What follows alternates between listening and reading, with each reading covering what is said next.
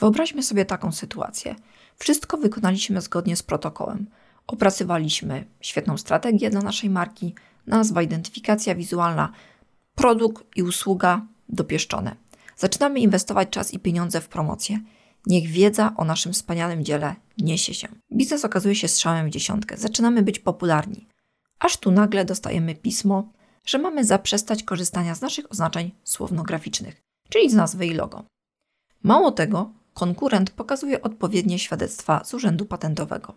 Dzień dobry, nazywam się Aneta Duk, to jest podcast Komunikacja Wizualna i dzisiaj porozmawiam z rzecznikiem patentowym Mikołajem Lechem na temat jak zapobiec takiej sytuacji, kiedy należy wziąć takie ryzyko pod uwagę, a kiedy takie problemy nas nie dotyczą, w którym momencie pomyśleć o rejestracji znaku towarowego, jak zastrzec wiele wersji znaku, czy warto korzystać z usług rzecznika patentowego, a co z marką osobistą. Mikołaj Lech jest prawnikiem, rzecznikiem patentowym, autorem nagrodzonego przez Polski Urząd Patentowy bloga znaki towarowe myślnikblog.pl. Specjalizuje się w prawnej ochronie marki i prawie własności przemysłowej oraz zwalczaniu nieuczciwej konkurencji. Mikołaj prowadzi również podcast i kanał na YouTubie pod tytułem Prawna ochrona marki.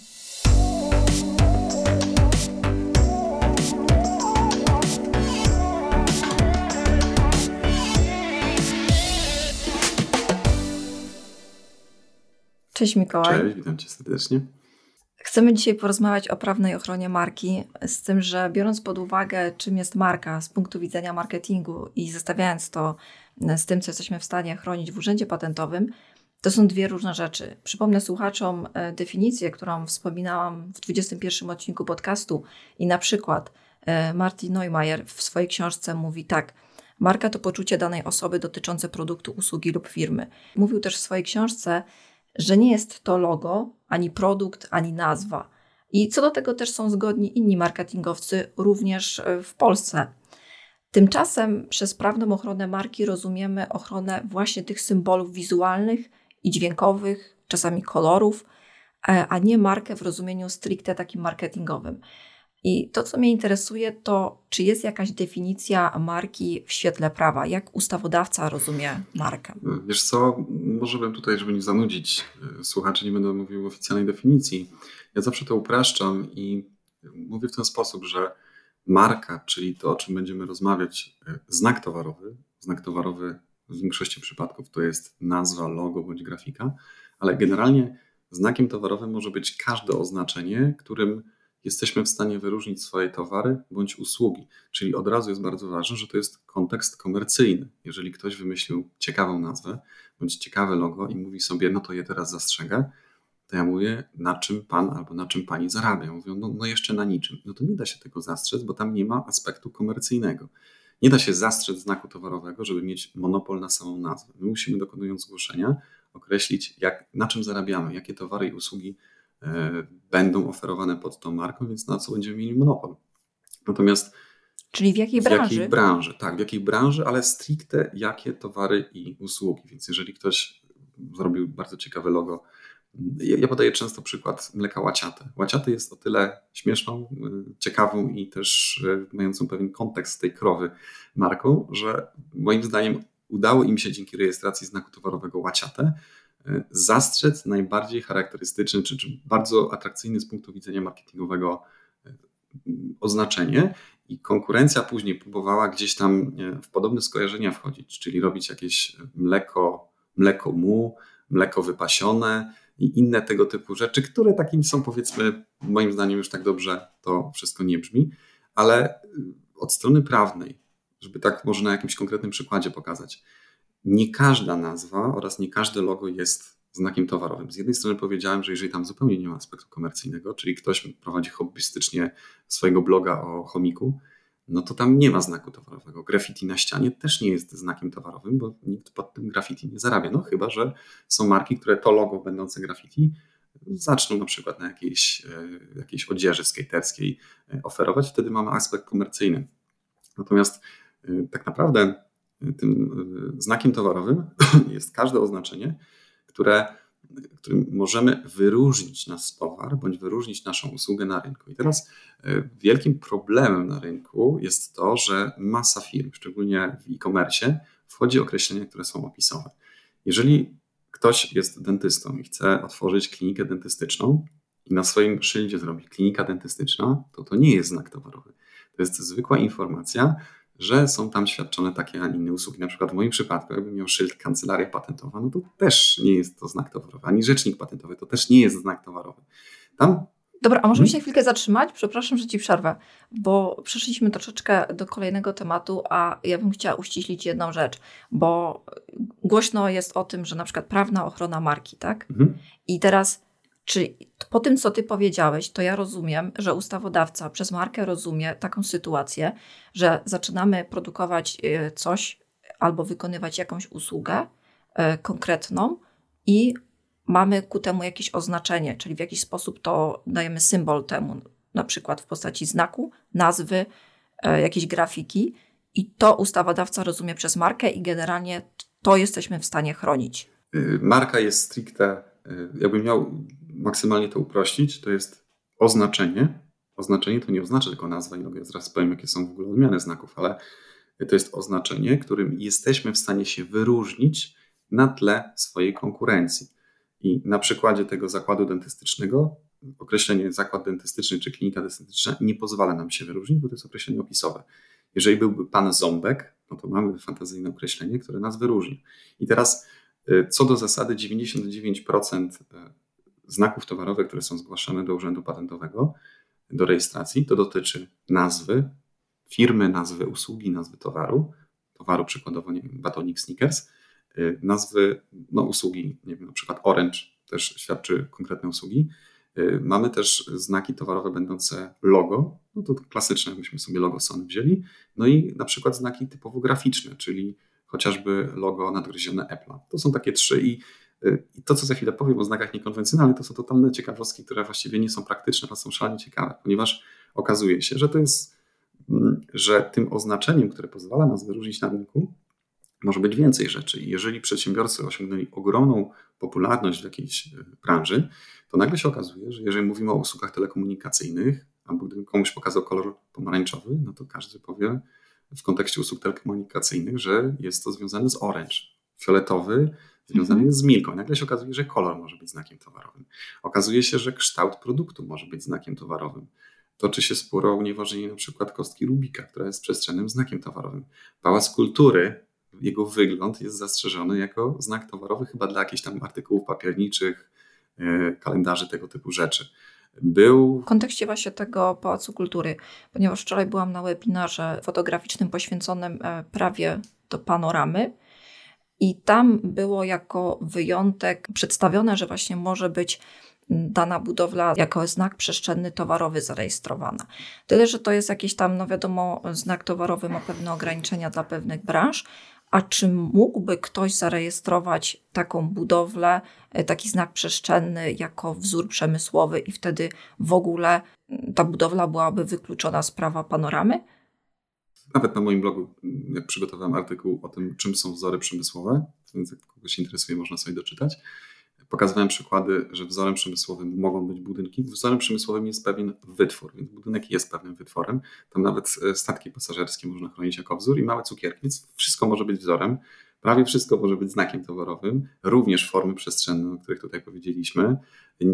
Toczy się spór, bo niektóre elementy, które są chronione na przykład wzorem przemysłowym czy znakiem towarowym przestrzennym, mogą być również chronione w formie E, patentu na wynalazek czy wzoru użytkowego. Były takie próby zastrzeżenia na przykład. Mhm. Zresztą e, skutecznie udało się przez chwilę chronić wygląd e, klocka Lego przestrzennym znakiem towarowym, a przecież te wypustki charakterystyczne były swego czasu patentowane. Wchodzimy teraz jednak w taki temat granic praw i zbiegu tych praw, że są sytuacje, kiedy mhm. coś jest chronione patentem przez w pewnych sytuacjach może być znakiem przestrzennym, a przy okazji wzorem przemysłowym i powiem szczerze, jest to jeden z trudniejszych tematów również dla rzeczników patentowych, bo tam jest y, określenie to zależy, co drugie, co drugie moje zdanie tak powinno wyglądać. Boję się trochę, że, że idziemy w temat bardzo dla mnie ciekawy, ale ludzie tego nie zrozumieją. I że się rozgadasz za bardzo. Tak, tak, y, ale y, kończąc może tylko to powiem, że jako ciekawostki, że można poza tym kolorem, poza formą przestrzenną zastrzec również jest, jest parę przykładów na świecie skutecznie zarejestrowanych zapachów jako e, znaki towarowe. Wiem, że jest e, lotki do darta e, o zapachu ciemnego piwa. Swego czasu w Unii był chroniony znak świeżo ściętej trawy dla piłek tenisowych. Są w Stanach Zjednoczonych jest zastrzeżony znak towarowy dotykowy, będący pewną fakturą butelki ze skóry. Jest znak towarowy, na przykład tutaj nasz czołowy piłkarz w Polsce Krzysztof Piątek zastrzegł tą swoją cieszynkę, te pistolety, taki, taki, taka grafika była. Widziałem, że, że są znaki towarowe y, ruchome, czyli jakaś animacja krótka, ale to jest wszystko, to jest ten 1% jako ciekawostka i raczej dotyczy firm, które mają ogromną popularność i ludziom się kojarzy po prostu dany kształt z konkretną marką, dany kolor z konkretną marką i to są takie wyjątki od wyjątków. Myślę, że każdą osobę, która zaczyna biznes albo ma go już trochę rozkulanego, powinno y, interesować to, że jedną rzecz, że to jest nazwa, logo albo jakiś symbol graficzny, zawsze w połączeniu z towarem bądź usługą. I to jest, myślę, że, że to jest clue y, odpowiedzi na to Twoje pytanie. Reszta to są y, bardzo ciekawe wyjątki. Okej, okay, to fajnie, jakbyśmy przeszli do różnych wersji znaku, bo znak zazwyczaj występuje na przykład w różnych kolorach. Czasami mamy wersje pionowe, poziome i tak dalej. E, wiem, że praktykuje się zastrzeganie pozostałych wersji jako właśnie wzory przemysłowe, bo to wychodzi intratnie cenowo, jednak są pewne ograniczenia. Wzór przemysłowy musi być nowy. Natomiast znak często zastrzegamy już po jakimś czasie istnienia firmy, kiedy sobie zaczynamy zdawać sprawę z tego, że ta marka faktycznie jest coś warta. Jaki jest pomysł na rozwiązanie tego problemu? To jest e, moje pierwsze pytanie.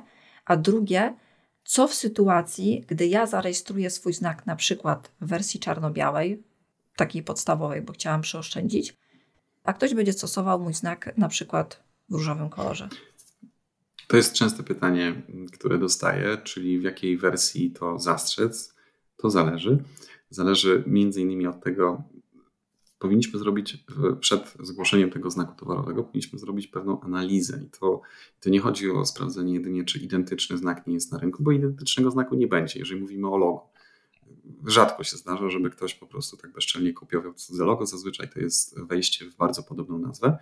Natomiast o czym warto pamiętać, kolizją nie są tylko znaki identyczne, ale również podobne, to różniące się jedną, dwoma literkami. Czasami jest sytuacja, że znajdujemy znak dwuczłonowy i jeżeli się okaże, że na rynku jest zarejestrowany znak kolizyjny, czyli taki, który znowu dotyczy naszej branży, dotyczy naszego terytorium, to w tym momencie dodanie szaty graficznej pozwala bardziej się odróżnić od konkurencji, co też y, zwiększa szanse na to, że gdyby nam ktoś robił problemy, czy przy rejestracji, czy przy używaniu tego znaku na rynku, to mamy większe, więcej argumentów na rzecz tego, że, że się tutaj wybronimy. I ja myślę, że tak do, do tego trzeba podejść wchodząc z marką na rynek i wchodząc, próbując nawet ten swój znak zarejestrować, y, należy mieć pewność dla własnego bezpieczeństwa, że się nie narusza cudzych praw. Jest taki mit, że wystarczy znak zarejestrować i jestem bezpieczny, bo urzędnik dał mi ochronę. Procedura wygląda tak, że wcale y, możemy mieć nawet znak identyczny z tym już zarejestrowanym. Natomiast, bo trochę odbiegam znowu od, od głównego wątku, jeżeli chodzi o rodzaje to jest jeden z argumentów, którymi powinniśmy się kierować, czyli czy nie ma żadnej kolizji. Zakładając, że nie ma żadnej kolizji, to ja osobiście zachęcam zawsze, żeby w pierwszej kolejności zgłaszać znak słowny, ponieważ widzę więcej argumentów, e, czy, czy on jest bardziej praktyczny. W tym sensie mamy pewność, że chroni płaszczyznę fonetyczną, mamy pewność, że nie jest opisowy, zabezpiecza nam domenę internetową. Jeżeli zrobimy rebranding swojego logo, no to w tym przypadku znak słowny cały czas chroni jego nazwę, a miałem sytuację z jednym klientem, który miał swój znak chroniony w 50 krajach świata jako logo, zrobił rebranding, a, same opłaty urzędowe przy, przy takiej zabawie kosztują ponad 10 tysięcy franków szwajcarskich. Ja mówię, no to jak jest nowe mhm. logo, no to trzeba zgłaszać od nowa. Gdybyście Państwo mieli znak słowny, to y, moglibyśmy, to, właściwie nie byłoby konieczności zgłaszania nowego znaku. Natomiast. Tak. To ja mam taki przykład. Przepraszam, że Ci przerwę, ale to będzie teraz w temacie, o którym mówisz. E, moja marka to jest Aneta Duk moje imię i nazwisko. Mój znak graficzny do tej nazwy no jest totalnie abstrakcyjny, przynajmniej z punktu widzenia e, przeciętnego odbiorcy. E, swoje prace podpisuję swoim znakiem graficznym. I teraz e, moje pytanie jest takie: jest zastrzegę sobie Aneta Duk i tak naprawdę co mi to daje? Z znakami towarowymi, które opierają się na nazwisku, jest taki problem, że generalnie każdy swoim nazwiskiem może się posługiwać. Więc jeżeli masz dużą rodzinę i ktoś zacznie mieć podobne hobby jak ty, to zaraz może też to swoje nazwisko eksponować i nie do końca można blokować taką osobę, tak jakbyśmy mieli znak całkowicie e, fantazyjny. Ja pomagałem rejestrować znak towarowy Wojtkowi Wawrzekowi. On e, działa, jego blog działa pod fantazyjną nazwą Prakreacje. I myślę, że spokojnie, gdyby ktoś w bardzo podobny znak chciał wejść, moglibyśmy go zablokować, ale jeżeli by zastrzegł swoje imię, nazwisko i byłby inny Wawrzak, na przykład z jego rodziny, no to ciężko by było komuś zabronić używania tej samej nazwy, aczkolwiek można by było doprowadzić do tego, żeby jednak troszkę bardziej się odróżnił na tyle, żeby nie było tutaj jakiegoś e, ryzyka wprowadzenia w błąd. Ja zawsze doradzam klientom w ten sposób. Jeżeli e, co, my bardziej, co, co, co ty bardziej eksponujesz? Czy swoje imię, nazwisko, czy ten znak graficzny? Po czym jesteś bardziej kojarzona? Bo jeżeli jesteś kojarzona po samym nazwisku, to może znak słowny będący samym nazwiskiem zastrzec. Jeżeli to jest ta charakterystyczna grafika, no to zastrzeż, zastrzeżmy ten symbol graficzny. To, po czym y, ludzie cię rozpoznają. Myślę, że ma bardzo charakterystyczne, krótkie, łatwe do zapamiętania nazwisko, więc można by było to tutaj się zastanowić. Aczkolwiek, y, no tak jak mówię, ja mam mieszane uczucia, to znaczy sam rozwijam swoją markę po, po nazwisku. Na moim blogu jest wyeksponowane nazwisko Lech, ale to jest specyfika trochę tak są różne kliniki, to często kliniki też mają e, nazwy lekarza, kancelarii też mają nazwy jakichś wspólników, więc to jest trochę typowe i ja to zrobiłem świadomie. Natomiast. E, Podobnie studia projektowe. Tak. Mamy studio i nazwisko, także dużo jest takich Natomiast przykładów. są marki osobiste ludzi, którzy faktycznie zastrzegają swoje nazwiska. Wiem, że gwiazdy sportu też często zastrzegają, no ale one komercjalizują. To, to jest trochę inny charakter, to, to jest inny świat, prawda? My maluczcy, co, co, co możemy tutaj e, się porównywać z takim na przykład Ronaldo, ale, ale można to zrobić, można zastrzec również nazwisko. E, ja mówię tak, zastrzegajmy taką, to, co jest najczęściej przez nas eksponowane, czyli głównej mierze nazwę albo logo według naszego wyboru. Natomiast jeżeli faktycznie mamy taką sytuację, że to logo jest pionowe, poziome, sam sygnet, to można zrobić to po prostu w ten sposób, że najbardziej charakterystyczne elementy zastrzegamy jako znaki towarowe, a pozostałe, jeżeli też chcemy mieć chronione, to zastrzegamy jako odmiany w formie wzorów najlepiej wspólnotowych, bo one chronione są Unią Europejską, bez względu na jakiej powierzchni się znajdą, w związku z czym ta ochrona e, świetnie uzupełnia znak towarowy, ale to, co zwróciłaś uwagę, pod znaku, e, znak nie musi być nowy, może być na rynku i 10 lat, ale wzór przemysłowy, czy ten wzór wspólnotowy musi być po pierwsze nowy, czyli identyczny wzór nie może być przez nas udostępniony, czyli sytuacja, kiedy on od 3 lat jest na rynku, e, no to, to no właśnie, mój jest od trzech lat. To jako wzór y, dałoby się technicznie to zastrzec, ale ktoś bardzo łatwo byłby w stanie to unieważnić. Natomiast od y, takiego wzoru wymaga się również, żeby miał indywidualny charakter, co oznacza, że jak ja mówię tak, nie może wywoływać wrażenia déjà vu. Czyli musi się trochę bardziej różnić od tego, co ma konkurencja. I znów, jeżeli ktoś ma logo y, będące zwykłym czarnym napisem na białym tle, jak tam Reserved Mojito na przykład, czy Empik, no to pewnie, pewnie też byłbym w stanie znaleźć inny napis, który wygląda podobnie, więc... No, ale oni mają dedykowaną typografię. Oj, tu znowu wchodzimy w granice praw autorskich. Ja miałem taką ciekawe, ciekawą sytuację kiedyś, gdzie zastrzegliśmy znak towarowy, odezwała się do nas kancelaria, że naruszamy, że przypadkiem się okazało, że grafik wybrał font, który jest bardzo podobny do właśnie jakiegoś biura projektowego czy architektonicznego. Ja poszukałem trochę w internecie i znalazłem, że ten font jest darmowy w tym stylu było szereg darmowych rzeczy, więc powiedzieliśmy, wcale Wam, drodzy oponenci, nie przysługują prawa autorskie, bo każdy może z tego korzystać. Więc y, jest problem tego typu, na ile, co my w ogóle w tej literce czy w tym foncie możemy zmienić, żeby on miał naprawdę taki charakter, żeby można było powiedzieć, że jest utworem. To jest trudne i y, Oczywiście łatwo powiedzieć. Wiem, że, że wszyscy chcieliby, żeby prawo było takie zero-jedynkowe, żeby łatwo można było określić, ale idziemy w stronę takich granic tego prawa autorskiego, gdzie zaraz się okaże, że e, to, co my wymyśliliśmy w kontekście topografii, w kontekście fontów, no, no, bardzo podobne rzeczy są już na rynku. I pytanie, czy to jest utwór, czy to nie jest utwór, czy my czy przypadkiem kogoś nie naruszamy, e, no to się w walce e, okazuje w sądzie. Więc zresztą ciekawostkę powiem, topografię tych liter też można zastrzec jako wzory przemysłowe. Wtedy mamy pewność, że to jest nasze, dopóki nam ktoś tego nie unieważni. Mhm. A taka konkretna sytuacja, że ja sobie zastrzegłam ten swój znak właśnie w tej wersji czarno-białej i ktoś bez zastrzeżenia, e, bardzo podobny, wprowadzający w błąd znak używa w innej kolorystyce. czy ja nie jestem wtedy w ogóle chroniona? Czy ta osoba ma prawo, bo ja sobie zastrzegłam tylko jeden kolor, to w innym kolorze ktoś ma prawo wprowadzać moich klientów w błąd? To znaczy, jeżeli chodzi o, jeżeli chodzi o y, kwestię kolorów czarno-białych, to bardzo często była po prostu taka sytuacja, że do 2014 albo 2015 roku, nie pamiętam dokładnie, była taka sytuacja, że uznawało się wtedy, że znak towarowy w Polskim Urzędzie Patentowym, chyba w unijnym też wtedy to obowiązywało, jest chroniony w każdej odmianie kolorystycznej. To rodziło takie konsekwencje, że przedsiębiorcy faktycznie, i można zobaczyć historycznie starsze znaki towarowe, również dużych marek, były chronione w wersji czarno-białej. Zmieniła się praktyka i uznano, że jeżeli jest czarno-biały znak, to jest czarno-biały. To nie oznacza, że mamy ochronę tylko na identyczność. Znaki towarowe, tak jak mówiłem w kontekście badania, swoją ochroną rozciągają się na, na oznaczenia, które mogą wprowadzać w błąd. Jeżeli, jeżeli więc masz czarno-biały, a ktoś wejdzie w zielony, ale inkorporuje wszystkie charakterystyczne elementy, to moim zdaniem można się, może być to wprowadzenie w błąd. Natomiast oczywiście wszystko zależy od konkretnej sytuacji, bo bo ktoś może skopiować ogólny wygląd, y, ubrać to w inne słowa, to dane logo i zawsze wtedy jest takie przeciąganie linii, czy te zmiany to jest coś, co wystarczy, czy nie. Tutaj jedna taka ważna uwaga. Ja obserwuję to i w zakresie grafik, i w zakresie logo, i w zakresie nazewnictwa. Jest mit, że wystarczy zmienić 30% albo 40%, albo nawet 50%, żeby obejść zarzut nawet nie tyle plagiatu, co naruszenia prawa. To jest bardzo, bardzo szkodliwy mit y, i to też często e, no, no, widać, kiedy ktoś się kimś inspiruje, parę rzeczy pozmienia i on jest, takie, takie osoby są święcie przekonane, że nie naruszają prawa.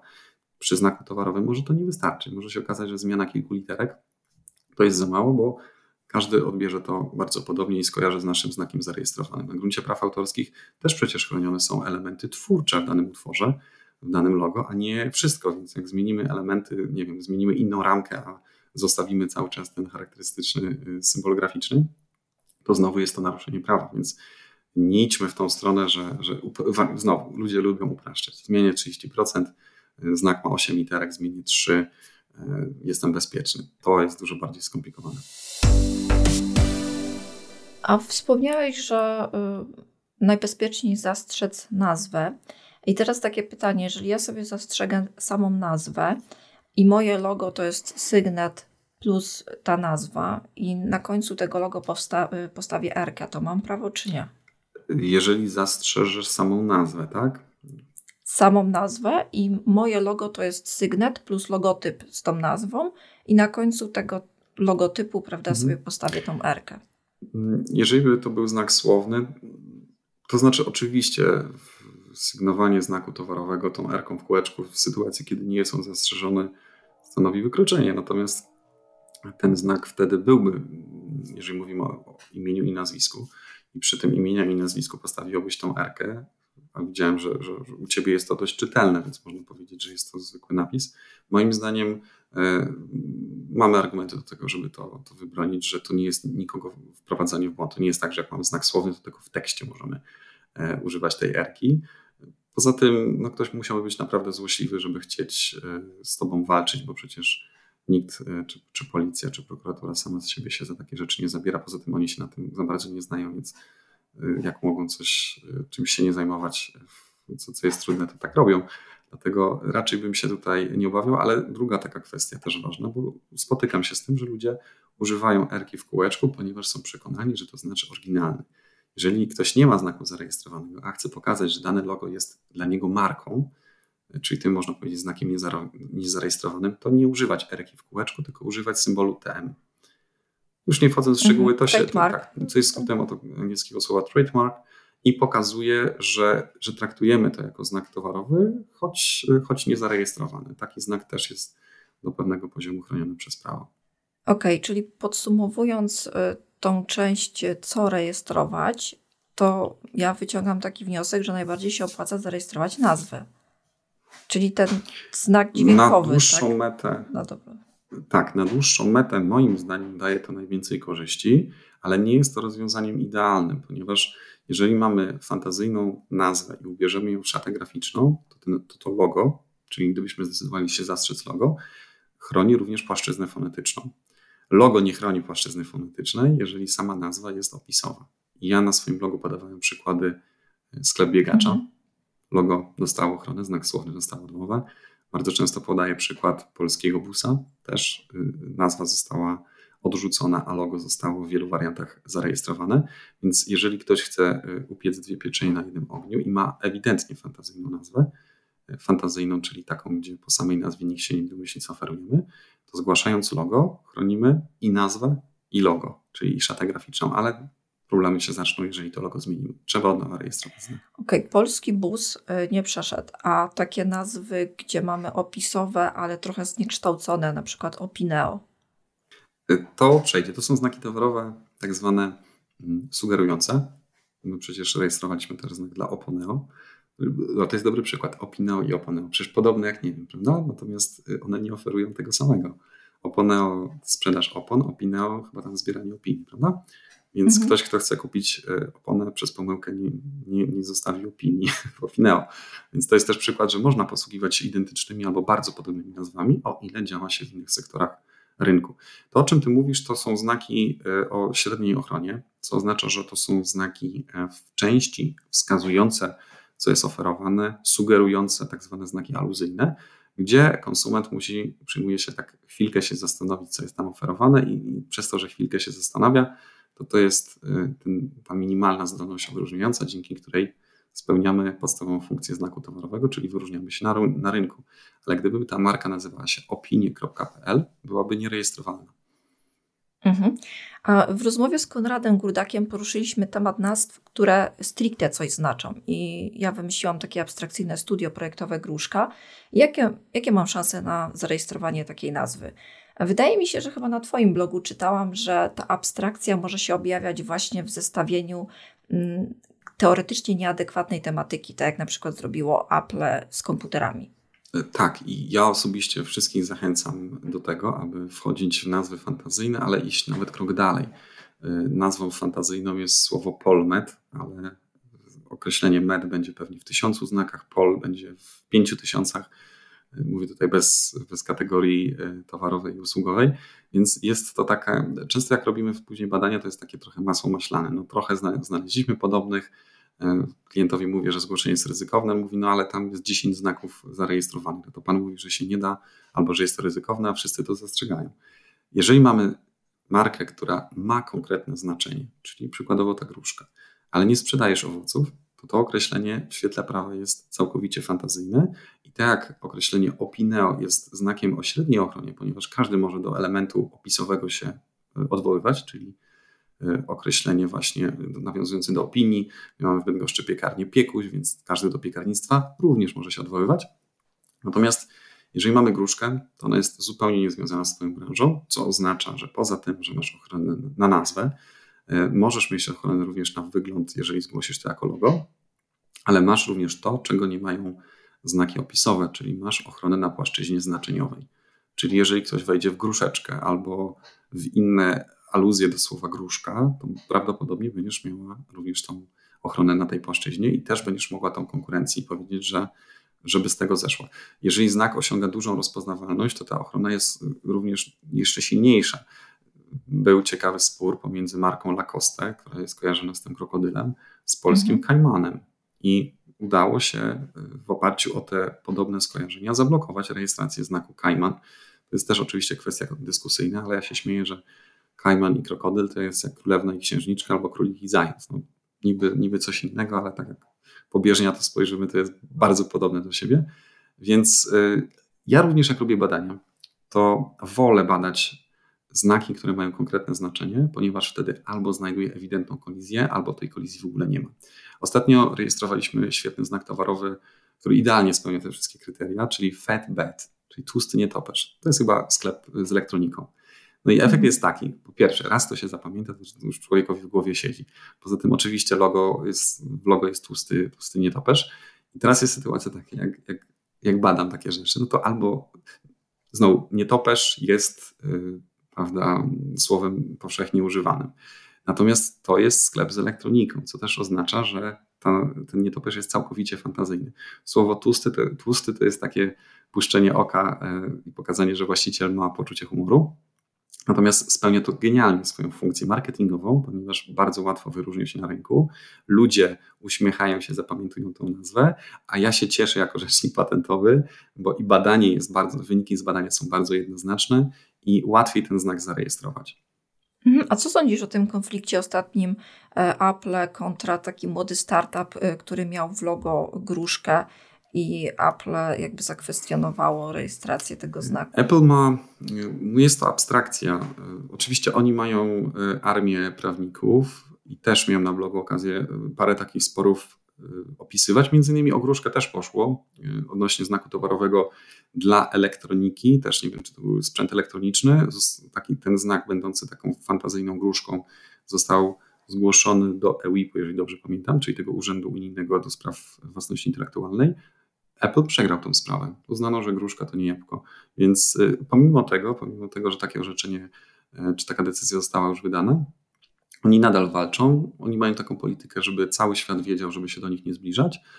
I pewnie ma to jakiś taki sens, bo również ja, jak robię badanie dla klientów i widzę, że brzmi to podobnie do jabłka i jeszcze nie najbardziej dotyczy to sprzętu elektronicznego, to mówię, nie róbmy, nie idźmy tą drogą, bo, bo będą problemy. Właśnie między innymi przez to, że wiem, że ta marka powszechnie e, pozywa, powszechnie składa sprzeciwy, bardzo agresywnie się broni, więc efekt tego jest taki, że na pewno przez tą swoją politykę dużo mniej osób wchodzi e, w określenia, no właśnie, moim zdaniem gruszka więc możesz czuć się bezpiecznie. Gruszka w żaden sposób y, nie jest podobna do jabłka i y, no, to jest pewna taka ich, ich polityka bardzo agresywna, żeby ludzie bali się wchodzić w takie określenie, nawet jeżeli to są inne branże. Czyli wracając jeszcze do nazw opisowych, czyli na przykład mój podcast y, Komunikacja Wizualna nie miałby szansy na rejestrację, tak? Tak, tak, uważam, tak samo jak mój podcast Prawna Ochrona Marki, ponieważ opowiadam o prawnej ochronie marki. To jest, tylko znowu, ja to zrobiłem, zrobiłem świadomie. Mi zależało na tym, żeby od razu komunikować. A ty masz Rkę na okładce, przepraszam, że ci przerwę. To jest, y, to, to, to nie jest taka, to, ta Rka, mm, moim zdaniem, widzisz, dobre pytanie zadałaś, nie, nie jest użyta y, w takiej funkcji, że ta Rka się znajduje przy nazwie podcastu. Ona jest tłem. Ludzie kojarzą tą Rkę w kółeczku i zależało mi na tym, żeby pokazać, że to chodzi o, o tą Rkę, więc na, na tej grafice. I ty jesteś pewien, że nikt tego nie jest w stanie zakwestionować, że ty używasz bezprawnie Rki? Wiesz co? Mm. Ja tak już teraz wiem. Nie, bardzo dobrze, nie, ale... dobrze. Dlaczego mam dostawać łatwe pytania?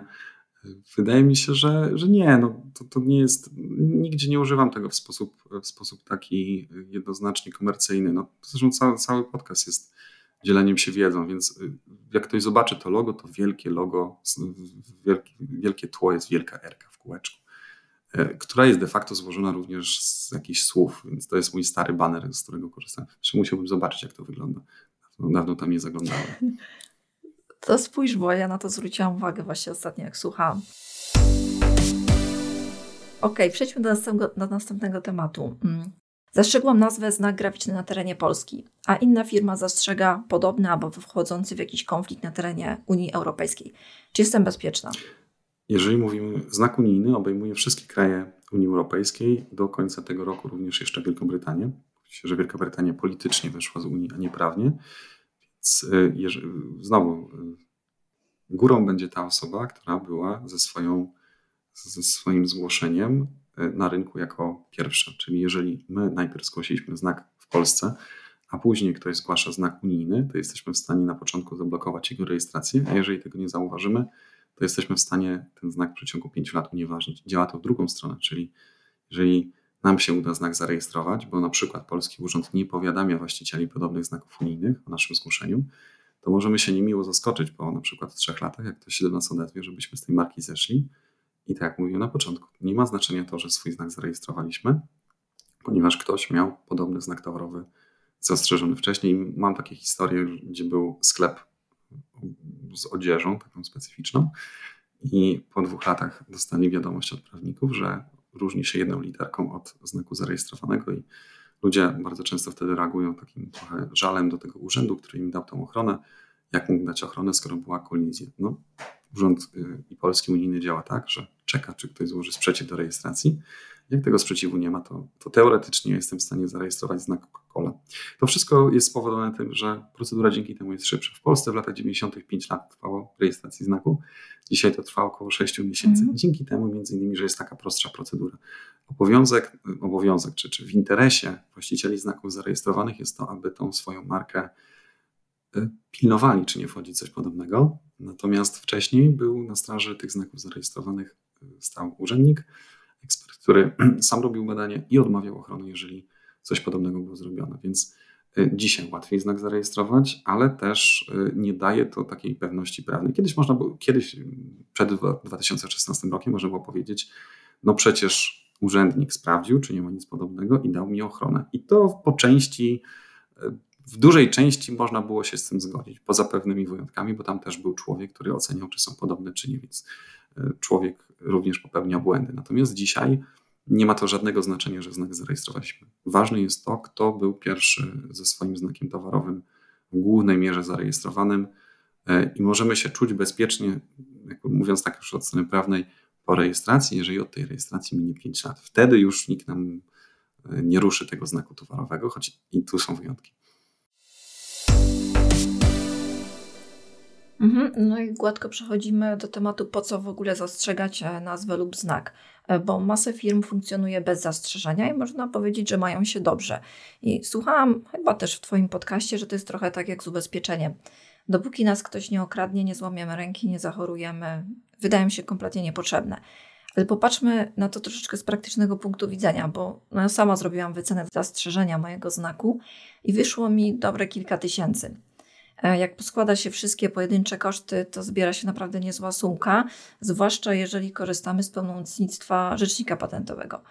I gdy ja zakładam firmę, gdy ktokolwiek e, zaczyna ruszać swój biznes, to wydaje mi się, że pierwszym podstawowym problemem jest, jak zdobyć tego pierwszego klienta i pierwsze zlecenia, e, niż to, żeby, no i żeby w jakiś sposób e, uzyskać tą rentowność biznesu, a nie zastrzeganie w sumie czegoś, co jeszcze nie wiemy, czy w ogóle będzie cokolwiek warte. Czyli pytasz, e, czy zgłaszać, kiedy zgłaszać i jak to podchodzi? Czy, czy rzeczywiście to jest zasadne, że jakby no, startuję biznes i pierwsze co robię, to idę do Urzędu Patentowego i zastrzegam nazwę czy tam logo?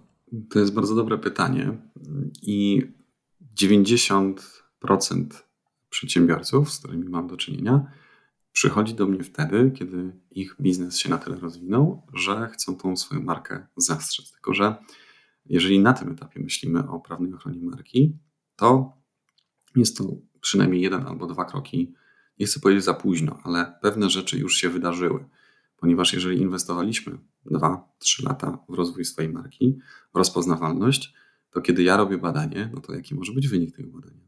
Mamy kolizję albo nie mamy kolizji. I w tym momencie często przedsiębiorcy dowiadują się, że ze swoją marką po prostu naruszają cudze prawa. Robi się problem, bo z jednej strony możemy znaku w ogóle nie zarejestrować, z drugiej strony w każdej chwili możemy spodziewać się, że ktoś na przykład będzie walczył o naszą domenę internetową. Dlatego Y, nie, wcale nie twierdzę, że trzeba od razu swój znak towarowy zarejestrować, ale każda osoba, która zaczyna ze swoją marką na rynku, powinna, no przynajmniej na początku, skonsultować się z rzecznikiem patentowym, czy jego marka w ogóle ma zdolność rejestrową, czyli czy nie jest przykładowo tym określeniem opisowym, które jest szalenie popularne y, i szalenie wiele szkód robi y, w e-commerce. Moim zdaniem to jest, tu się akurat z Konradem Gurdakiem nie zgadzam. Uważam, że nazwa opisowa ma dużo więcej wad niż zalet, to znaczy ma zalety marketingowe, ma bardzo dużo wad prawnych. To po prostu konkurencja wchodzi w tą samą nazwę, inne logo i, i wozi się na naszym marketingu. Nic nie można zrobić, jeżeli to logo jest niepodobne. Nie, nie Natomiast sytuacja tutaj wygląda w ten sposób, że ja bym to zrobił tak. Najpierw bym się skonsultował z rzecznikiem patentowym, czy po pierwsze tą nazwę y, da się zarejestrować, czyli nie jest to określenie w jakiś sposób wyłączone z rejestracji. Później zleciłbym sprawdzenie, czy od strony prawnej tam nie ma żadnej kolizji, czy nie zostaniemy przez kogoś pozwani, jeżeli i ta usługa nie jest aż tak droga jak całe postępowanie rejestrowe.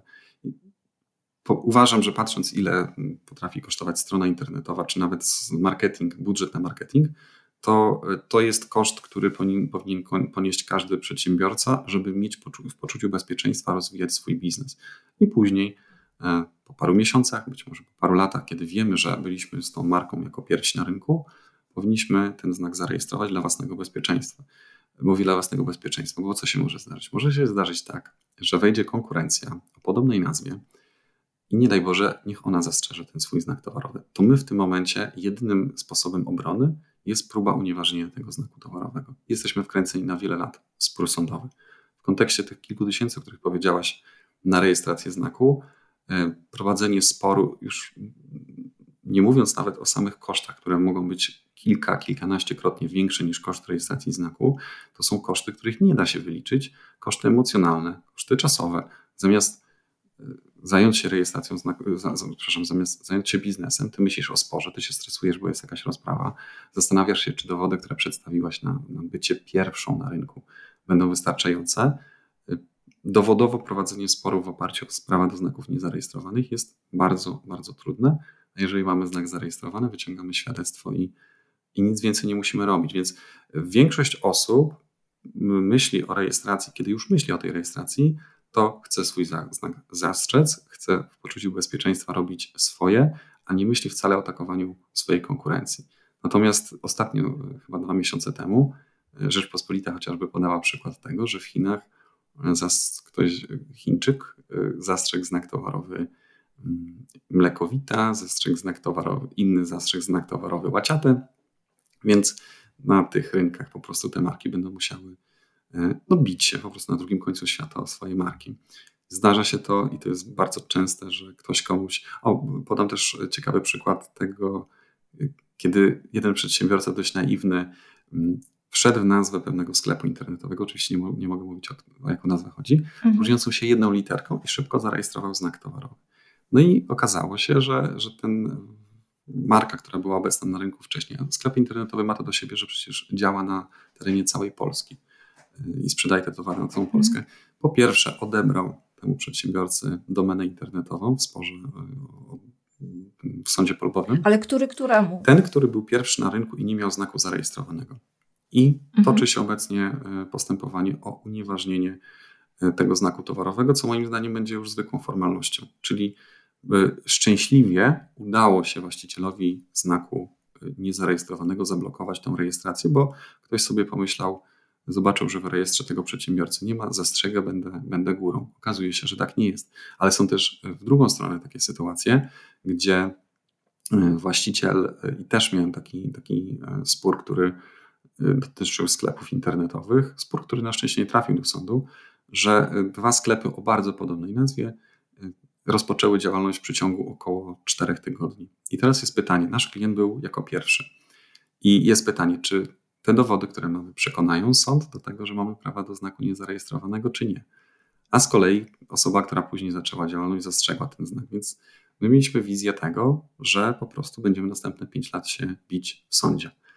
I tam akurat była taka koncepcja, że przedsiębiorca e, postanowił, i tak postanowił zmieniać tą nazwę, bo wszedł w taką, która będzie bardziej międzynarodowa, więc to gładko poszło, ale tego sporu by nie było, gdyby on znowu zastrzegł swój znak towarowy jako pierwszy i to wtedy ktoś inny by miał duży problem. Więc często spotykam się po prostu z tym, że ludzie rozwijają swoje biznesy i myślą o ochronie marki, kiedy jest problem, kiedy jest konflikt. To już jest trochę za późno. A czasami, mhm. jak analizuję, to mówię, że nic nie da się zrobić. Tak jak na przykładzie klientki, do której się ktoś zwrócił po dwóch latach działalności, że pomimo tego, że ma znak zarejestrowany, to musi z tego zejść. Ja mówię, no samobójstwo wchodzić w spór, bo, bo oni mają rację, więc wtedy moja rola sprowadza się do pewnych negocjacji, żeby najmniej boleśnie to, ten spór zakończyć. Zastrzec znak możemy również sami, tak? Nie musimy mieć pośrednictwa rzecznika hmm. patentowego, jest to dodatkowa usługa. E, jakie korzyści są z tytułu tego, że skorzystam z usług rzecznika patentowego kontra robienie tego na własną rękę? To znaczy, ja już y, mając powiedzmy około 10-letnie doświadczenie, e, myślę, że myśleć o samodzielnej rejestracji mogą osoby, które naprawdę zaczynają dopiero ten biznes i dla których każda złotówka to jest duży, duży wydatek. Jeżeli jest się małym, to, to można zaryzykować i zgłosić ten znak samodzielnie. Tyle tylko, że to nie jest kwestia wypełnienia dokumentów i zgłoszenia, bo zgłosić można samodzielnie, ale e, porządnej analizy prawnej rynku, bo tak jak mówię, możemy technicznie jesteśmy w stanie zastrzec znak towarowy, ale to nie daje nam bezpieczeństwa. Nadal możemy wpaść w problemy.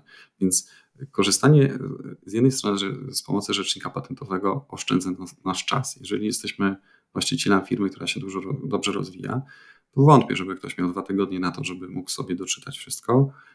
Później zaryzykować, że być może popełni jakieś błędy, na przykład w wykazie klas i dokonać zgłoszenia, tańsze dla niego będzie. I ja zresztą również tak działam, korzystam z pomocy moich kolegów prawników, ponieważ dla mnie jest tańsze wykupienie porady prawnej, zlecenie jakiejś rzeczy koledzy, który, który się na tym, w tym specjalizuje, wspomniany już Wojciech Wawrzak, ja nie chcę się zajmować RODO, odezwałem się do niego, on mi wszystko ogarnął, jestem mu bardzo wdzięczny i każdemu go polecam, ponieważ on się na tym zna. On z kolei skorzystał z moich usług przy rejestracji znaku towarowego. Więc to jest taka sytuacja, że on też mówi, pewnie jakbym się skupił, to bym to ogarnął, ale nie chcę ryzykować. Więc jeżeli dla kogoś y, ktoś widzi wartość w poczuciu bezpieczeństwa, że rzecznik patentowy pilnuje, ja jeszcze jestem, jak tutaj jestem trochę gadatliwy, to zawsze tym klientom bardzo dużo dodatkowych rzeczy powiem, e, jak od strony prawnej, w jakie marki nie wchodzić, jak to od strony prawnej dobrze eksponować, żeby, żeby konkurencja mm, odeszła, czy nie próbowała się w żaden sposób do nas podszywać, co zrobić, żeby ta marka była silna. Więc na pewno korzystając z usług rzecznika patentowego dostajemy bezpieczeństwo i on zrobi to tak, jak należy i nas odciąży. Więc to jest takie trochę e, no, delegowanie pewnych takich zadań. Jeżeli uważamy, a uważam, że, że, że korzystają z usług rzeczników patentowych osoby, które rozumieją, jak ważna jest kwestia prawnej ochrony marki, że te kilkaset złotych, czy, czy przy rejestracji międzynarodowej nawet kilka tysięcy złotych za same usługi rzecznika patentowego są tego warte, bo jak będzie problem y, na przykład z towarem w jakimś kraju, że ktoś nam zablokuje, to tracimy dziesiątki albo setki tysięcy złotych, więc czym jest taka pomoc prawna? Zresztą kolega, którego wyciągnęliśmy z poważnych problemów, bo były wspólnik, próbował zastrzec znak towarowy i tam też oczywiście klasyczna, można powiedzieć, historia z naszej pracy. W jednym z wywiadów, zresztą właśnie w ramach mojego podcastu zrobiłem z nim wywiad, jak ta jego walka o markę wyglądała. On powiedział, że doświadczenie go nauczyło, że na dwóch rzeczach nie należy oszczędzać, na księgowych i na prawnikach. Więc po prostu, jeżeli mhm. chcemy mieć poczucie bezpieczeństwa, nie tylko, że formalnie dostaniemy świadectwo rejestracji, ale że ta marka jest bezpieczna i my nie naruszamy prawa, to za to bezpieczeństwo, no to bezpieczeństwo jest w stanie zapewnić rzecznik patentowy, analizując to wszystko, a później zastępując. My jesteśmy jak troszkę adwokaci, radcowie prawni przed sądami, my występujemy przed urzędem patentowym i my jesteśmy do tego szkoleni, więc znamy chociażby praktykę tego urzędu, bo to, co wspomniałaś odnośnie znaków sugerujących, opineo, albo znaków towarowych opisowych, to na przykład inaczej to interpretuje, interpretuje Urząd Unijny, inaczej polski. Jeżeli Urząd Unijny dopatrzy się opisowości, a jest bardzo restrykcyjny w tym zakresie, to nie odda na przykład 850 euro za zgłoszenie. Czyli możemy zgłosić znaki. Pod... Ci przerwę. Hmm? Podobnie jest z tymi znakami, które, jak to się mówi, godzą w dobre obyczaje że są różne tak, interpretacje? Tak, tak, tak. No właśnie, no nie będę przytaczał, też napisałem artykuł. To jest y, artykuł, który y, nastraja mi, to znaczy rodzi pewne problemy tego typu, że ja bym chciał nagrać podcast o tych znakach, które zostały, y, które mogą naruszać dobry obyczaj i dostały ochronę, ale ja bym w tym podcastie cały czas przeklinał, bo takie, to są tego typu znaki towarowe, więc mi tak trochę nie wypada i on jest cały czas bez, bez nagrania, ale faktycznie polski urząd jest szalenie restrykcyjny. Ja często podaję przykład tego, że nie zarejestrowano nazwy likieru dupeczka. To, jakby to było jakieś, ja mam rocznego syna i nie uważam, że że to jest wulgaryzm w żaden sposób, ale tak się po prostu zdarza i w Unii pewne rzeczy łatwiej, łatwiej zarejestrować, ale z drugiej strony właśnie ci eksperci bardzo mocno e, dopatrują się, gdzie się tylko da opisowości, więc znowu rzecznik patentowy. Ja też bardzo często mam tak, że przedsiębiorcy próbują zastrzegać sami znaki towarowe na Unię, no i mają te problemy z tą opisowością i do mnie przychodzą i pytają się, co można zrobić. I e, na tym etapie już wiele, to znaczy oczywiście można z tym ekspertem dyskutować, ale my już w znaku nic nie zmienimy. A gdybym wiedział, że może być problem, to byśmy zastanawiali się, a może dodać literkę, a może dodać drugie słowo, albo jakiś podpis, albo szatę graficzną. Coś byśmy mogli zrobić y, i chociażby te, te pieniądze związane ze zgłoszeniem nie zostałyby stracone. Więc no, dobrze, żeby ludzie widzieli wartość w tym, że to broń Boże nie jest tak, że my bierzemy, wypełniamy dokumenty i zgłaszamy. To jest ostatni etap długiej analizy y, całej sprawy. Domeny internetowe, bo poruszony, poruszony był już ten temat i interesuje mnie taka sytuacja. Ja sobie rejestruję właśnie powiedzmy to moje studio projektowe Gruszka. E, używam domeny gruszka.studio, a ktoś rejestruje gruszkastudio.pl. E, czy mogę mu w jakiś sposób zabronić korzystania z takiej Fakt domeny? rejestracji czy bycia abonentem danej domeny internetowej o niczym jeszcze nie świadczy. Może świadczyć jedynie o tym, że mamy jakieś y, wykonujemy czynności przygotowawcze do rejestracji, do, do, do po prostu komercyjnego używania danej marki. Natomiast Miałam na myśli, że rejestruję znak towarowy Studio Projektowe, mhm. projektowe Gruszka i rejestruję sobie jedną domenę. Natomiast inne są wolne i ktoś z inną końcówką po prostu. To znaczy, jeżeli ty masz zarejestrowany znak towarowy, to jest piękna i idealna sytuacja, ponieważ każdy znak, który będzie podobny, czy w takiej domenie, i ktoś oczywiście oferuje y, konkurencyjnym względem ciebie usługi, będzie to stanowiło naruszenie prawa. Właśnie to jest y, ciekawe, że mają zarejestrowany znowu ten znak słowny, My faktycznie nie musimy rejestrować 20 domen. Moim zdaniem wystarczy te główne, czyli .pl, .eu, .com. Nie ma sensu rejestrowania wszystkich domen, bo jeżeli konkurencja wejdzie w taką domenę, to my jesteśmy w stanie w przeciągu około 3 miesięcy w sądzie domenowym odebrać siłą tą domenę. Więc y, utrzymywanie 20 domen w sytuacji takiej. Obecnie jest jeszcze więcej. Jak weszły te nowe funkcjonalne domeny, to by trzeba było chyba zarejestrować ze 100 albo 200 domen no to, no, no to skrajne przypadki, prawda? Ale nawet utrzymanie tych 10 domen, to chyba przedłużenie to kosztuje około 100 zł razy, razy 10, razy 20, no to przecież rejestracja znaku jest dużo tańsza. Oczywiście jest taki problem, że, że wtedy trzeba trochę się nagimnastykować, żeby taką osobę, e, żeby, żeby z tego zeszło, ale mieliśmy takie sytuacje, gdzie klient miał zarejestrowany znak, e, ktoś ich szantażował, jeszcze w ogóle z tej domeny linkował do ich konkurencji, więc e, skontaktowaliśmy się z tym człowiekiem, powiedzieliśmy, że e, no, żeby oddał tą domenę, że, że nic mu nie zapłacimy i tylko za transfer domeny chyba 10 zł finalnie zapłaciliśmy się i, i odpuścił.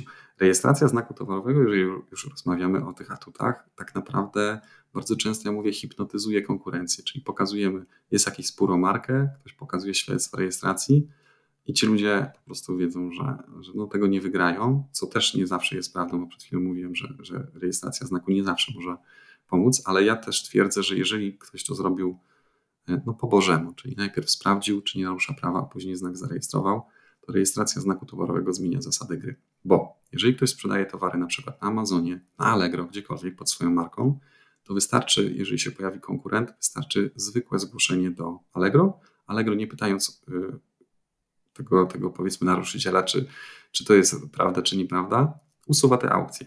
Można usunąć komuś fanpage na Facebooku, można eBay, e, Amazon, OLX. Wszędzie wystarczy pokazać świadectwo rejestracji, powiedzieć, wskazać palcem, że to narusza nasze prawa i te serwisy usuwają automatycznie, mówiąc, no to drodzy przedsiębiorcy, załatwcie to między sobą. No to jest ciekawe, to dobre jest. To teraz nawet y, gdybyśmy to samo chcieli osiągnąć na drodze sądowej, kto wie, parę lat sporów. A tutaj jeden mail ze skanem świadectwa i napisanie, że aukcja numer taki a taki narusza moje prawa i Allegro y, może nie usuwa od razu takiego Allegrowicza, ale, ale daje mu y, czerwoną kartkę i on drugi raz będzie się po prostu bał.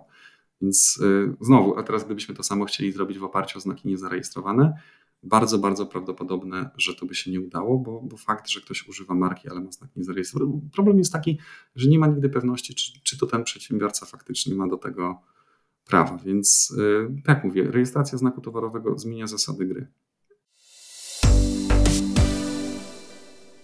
Dobra, y, będziemy powoli kończyć, bo zbliżamy się do godziny i ja bym chciała jako takie podsumowanie żebyś podpowiedział osobom, może właśnie tym, którzy zaczynają biznes, liczy się dla nich każda złotówka, e, na co zwrócić uwagę, jeżeli chcieliby zarejestrować e, sobie czy znak, czy nazwę samodzielnie. Czym charakteryzuje się na przykład nazwę, które na pewno nie przejdą, a które mają bardzo duże zdolności rejestrowe, podobnie ze znakami, na co zwracać uwagę. Może polecisz jakieś konkretne materiały na swoim blogu, z którymi warto się mhm. zapoznać, zanim się do takiej procedury przystąpi? Na początku y, zalecam zrobić y, taki test Lecha, jak ja to nazwałem, czyli swój test ukułem, który bardzo, myślę, obrazowo pokazuje, klientom, czy ich nazwa ma szansę na rejestrację w tej najsilniejszej formie, wersji słownej. Czyli gdybyśmy założyli, że weźmy na przykład ten sklep biegacza, że zaczepiamy 10 osób, które potencjalnie mogą być naszymi klientami, czyli ludzi między tam 20 a 30 rokiem życia. I zadamy im pytanie, jak myślą, co jest oferowane pod naszą marką, pod naszą nazwą. Jeżeli taka osoba, czy, czy średnio te 10 osób, 10 na 10 odpowie, no jak sklep dla biegacza, czyli sprzęt dla biegaczy, to znaczy, że nazwa jest ewidentnie opisowa i nie ma szans, żeby ją zarejestrować. Jeżeli mamy takie opineo, no to zmrużą oczy i powiedzmy, nie wiem, 6 osób na 10 e, po chwili zastanowienia odpowie, tak, to są serwis na przykład do zbierania opinii, tak mi się wydaje, albo jakiejś tam rekomendacji no to w tym momencie mamy, możemy się zastanawiać, czy ten znak jest sugerujący i czy nie, nie idziemy w stronę tego znaku, który w wersji słownej może być już zarejestrowany. Aczkolwiek to jest takie, to jest zawsze wszystko na granicy. Natomiast jeżeli mamy nazwę typu Phoenix, no to jest oczywiste, że nikt się nie wymyśli, co oferujemy pod tą marką i w tym momencie e, ewidentnie możemy walczyć o znak słowny. To jest o tyle ważne, że jeżeli uznamy, że nasz znak należy do tej pierwszej kategorii, to, nie, to stracimy pieniądze po prostu zgłaszając ten znak towarowy. I szczerze odradzam, i, w, i od strony prawnej odradzam rozwijanie swojej marki tylko w oparciu o taką, taką nazwę. Powinien, e, można połączyć e, kategorię pierwszą z trzecią, czyli zrobić sklep biegacza Phoenix. Prawda? I w tym momencie połączyliśmy element opisowy z elementem fantazyjnym. I taki znak jako całość może być zastrzeżony. To jest pierwsza rzecz. Druga rzecz, i uważam, że na, na identyczność są na, na, stronie Polskiego Urzędu Patentowego, na stronie tego urzędu EWIPO, są bazy darmowe, gdzie można sobie sprawdzić, czy y, nasza nazwa nie jest już przez kogoś chroniona. Jest to moim zdaniem każdy, y, przynajmniej na etapie rozpoczynania tej przygody z biznesem, powinien sprawdzić, czy nie ma tam ewidentnej kolizji, czyli czy nie ma znaków towarowych o takiej samej nazwie dla naszej kategorii. Jeżeli są, no to uciekajmy z tej nazwy, bo prędzej czy później będzie problem. Coś, czego obawiam się, y, taka osoba prosto z ulicy nie jest w stanie zrobić samodzielnie, czyli ocenić, czy te znaki są na tyle od siebie różne, że może to być kolizja, czy nie. Przykładowo, był spór pomiędzy marką y, Cosimo i Cosiflor. I finalnie urząd uznał ten unijny, że to jest kolizja. Cosimo i Cosiflor. Więc unikajmy tych 30% y, różnicy, w sensie to jest mit i to wszystko zależy od, od konkretnej sprawy. Tutaj y, rekomendowałbym udział rzecznika patentowego. Natomiast jeżeli uznamy, że tam po pierwsze znak nie jest opisowy, po drugie nie znaleźliśmy nic, co jest w ogóle zbliżone, to y, warto zgłosić ten znak towarowy i to, jeżeli działamy na Polskę, to przynajmniej na Polskę. Jeżeli chcemy na przykład na Amazonie działać, to, to może to tam wymagany jest znak unijny, żeby wejść w program Amazon Brand Registry. No i, no i co? No, trzeba dobrze stworzyć wykaz klas, y, zająć się formalnościami, przypilnować to, wnieść opłaty i uważać na oszustów, bo momentalnie po zgłoszeniu dostaniecie pisma od różnej maści rejestrów, że znak ma, macie zarejestrowany, jakim zapłacicie w przeciągu 7 dni, na przykład 1000 euro albo 1000 O, to grubo. Każdy to dostaje, kto to zgłasza. Naprawdę, to jest e, i doszło do tego, że w Polsce już są kopiowane pisma po prostu Urzędu Patentowego, kopiowane są e, tytuły ekspertów, którzy tam pracują, więc tam jest powiedzmy tam Janina Kowalska i ona faktycznie pracuje, to można sprawdzić w Urzędzie Patentowym, natomiast ona oczywiście naturalnie się pod tym nie podpisuje. Pismo wygląda identycznie jak pismo Urzędu Patentowego, nie zgadza się tylko numer konta. Więc, to e, skąd wiedzieć, które pismo no i, jest prawidłowe? A wiesz. No najlepiej skorzystać my, my, ja, ja jako rzecznik. No trochę tak, no, ja nie chcę tutaj naginać, ale to jest tak, no jak mamy swojego opiekuna, ja kilkakrotnie na etapie zgłoszenia, najpierw w rozmowie, później w mailu, jak, przygotowujemy dokumenta, a później jeszcze jak wyślemy je, to też przypominam, że coś takiego na 100% przyjdzie. Nawet jeden klient się śmiał, że, że, że, że dostał potwierdzenie prawidłowego zgłoszenia, bo dostał pismo do szóstów, prawda? E, to jest to. Natomiast oczywiście trzeba samodzielnie pilnować, porównać ten numer tego konta, który tam jest, Urząd Patentowy daje, jak polski urząd, jak wydaje decyzję o rejestracji, to daje 3 miesiące na wpłatę tej opłaty za 10-letni okres ochronny. E, oszuści dają 7 dni.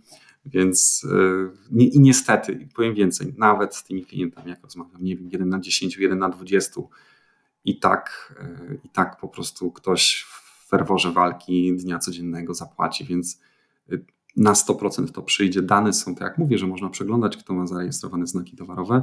Tam jest informacja, kto jest właścicielem. Zresztą tak na marginesie powiem, jak słuchałem jednego z podcastów przygód przedsiębiorców, gdzie występowała pani reprezentująca markę Kubota, to przeglądając właśnie rejestr urzędu zobaczyła, że Kubota jest słownym znakiem towarowym, odezwała się do tego właściciela i nawiązali współpracę.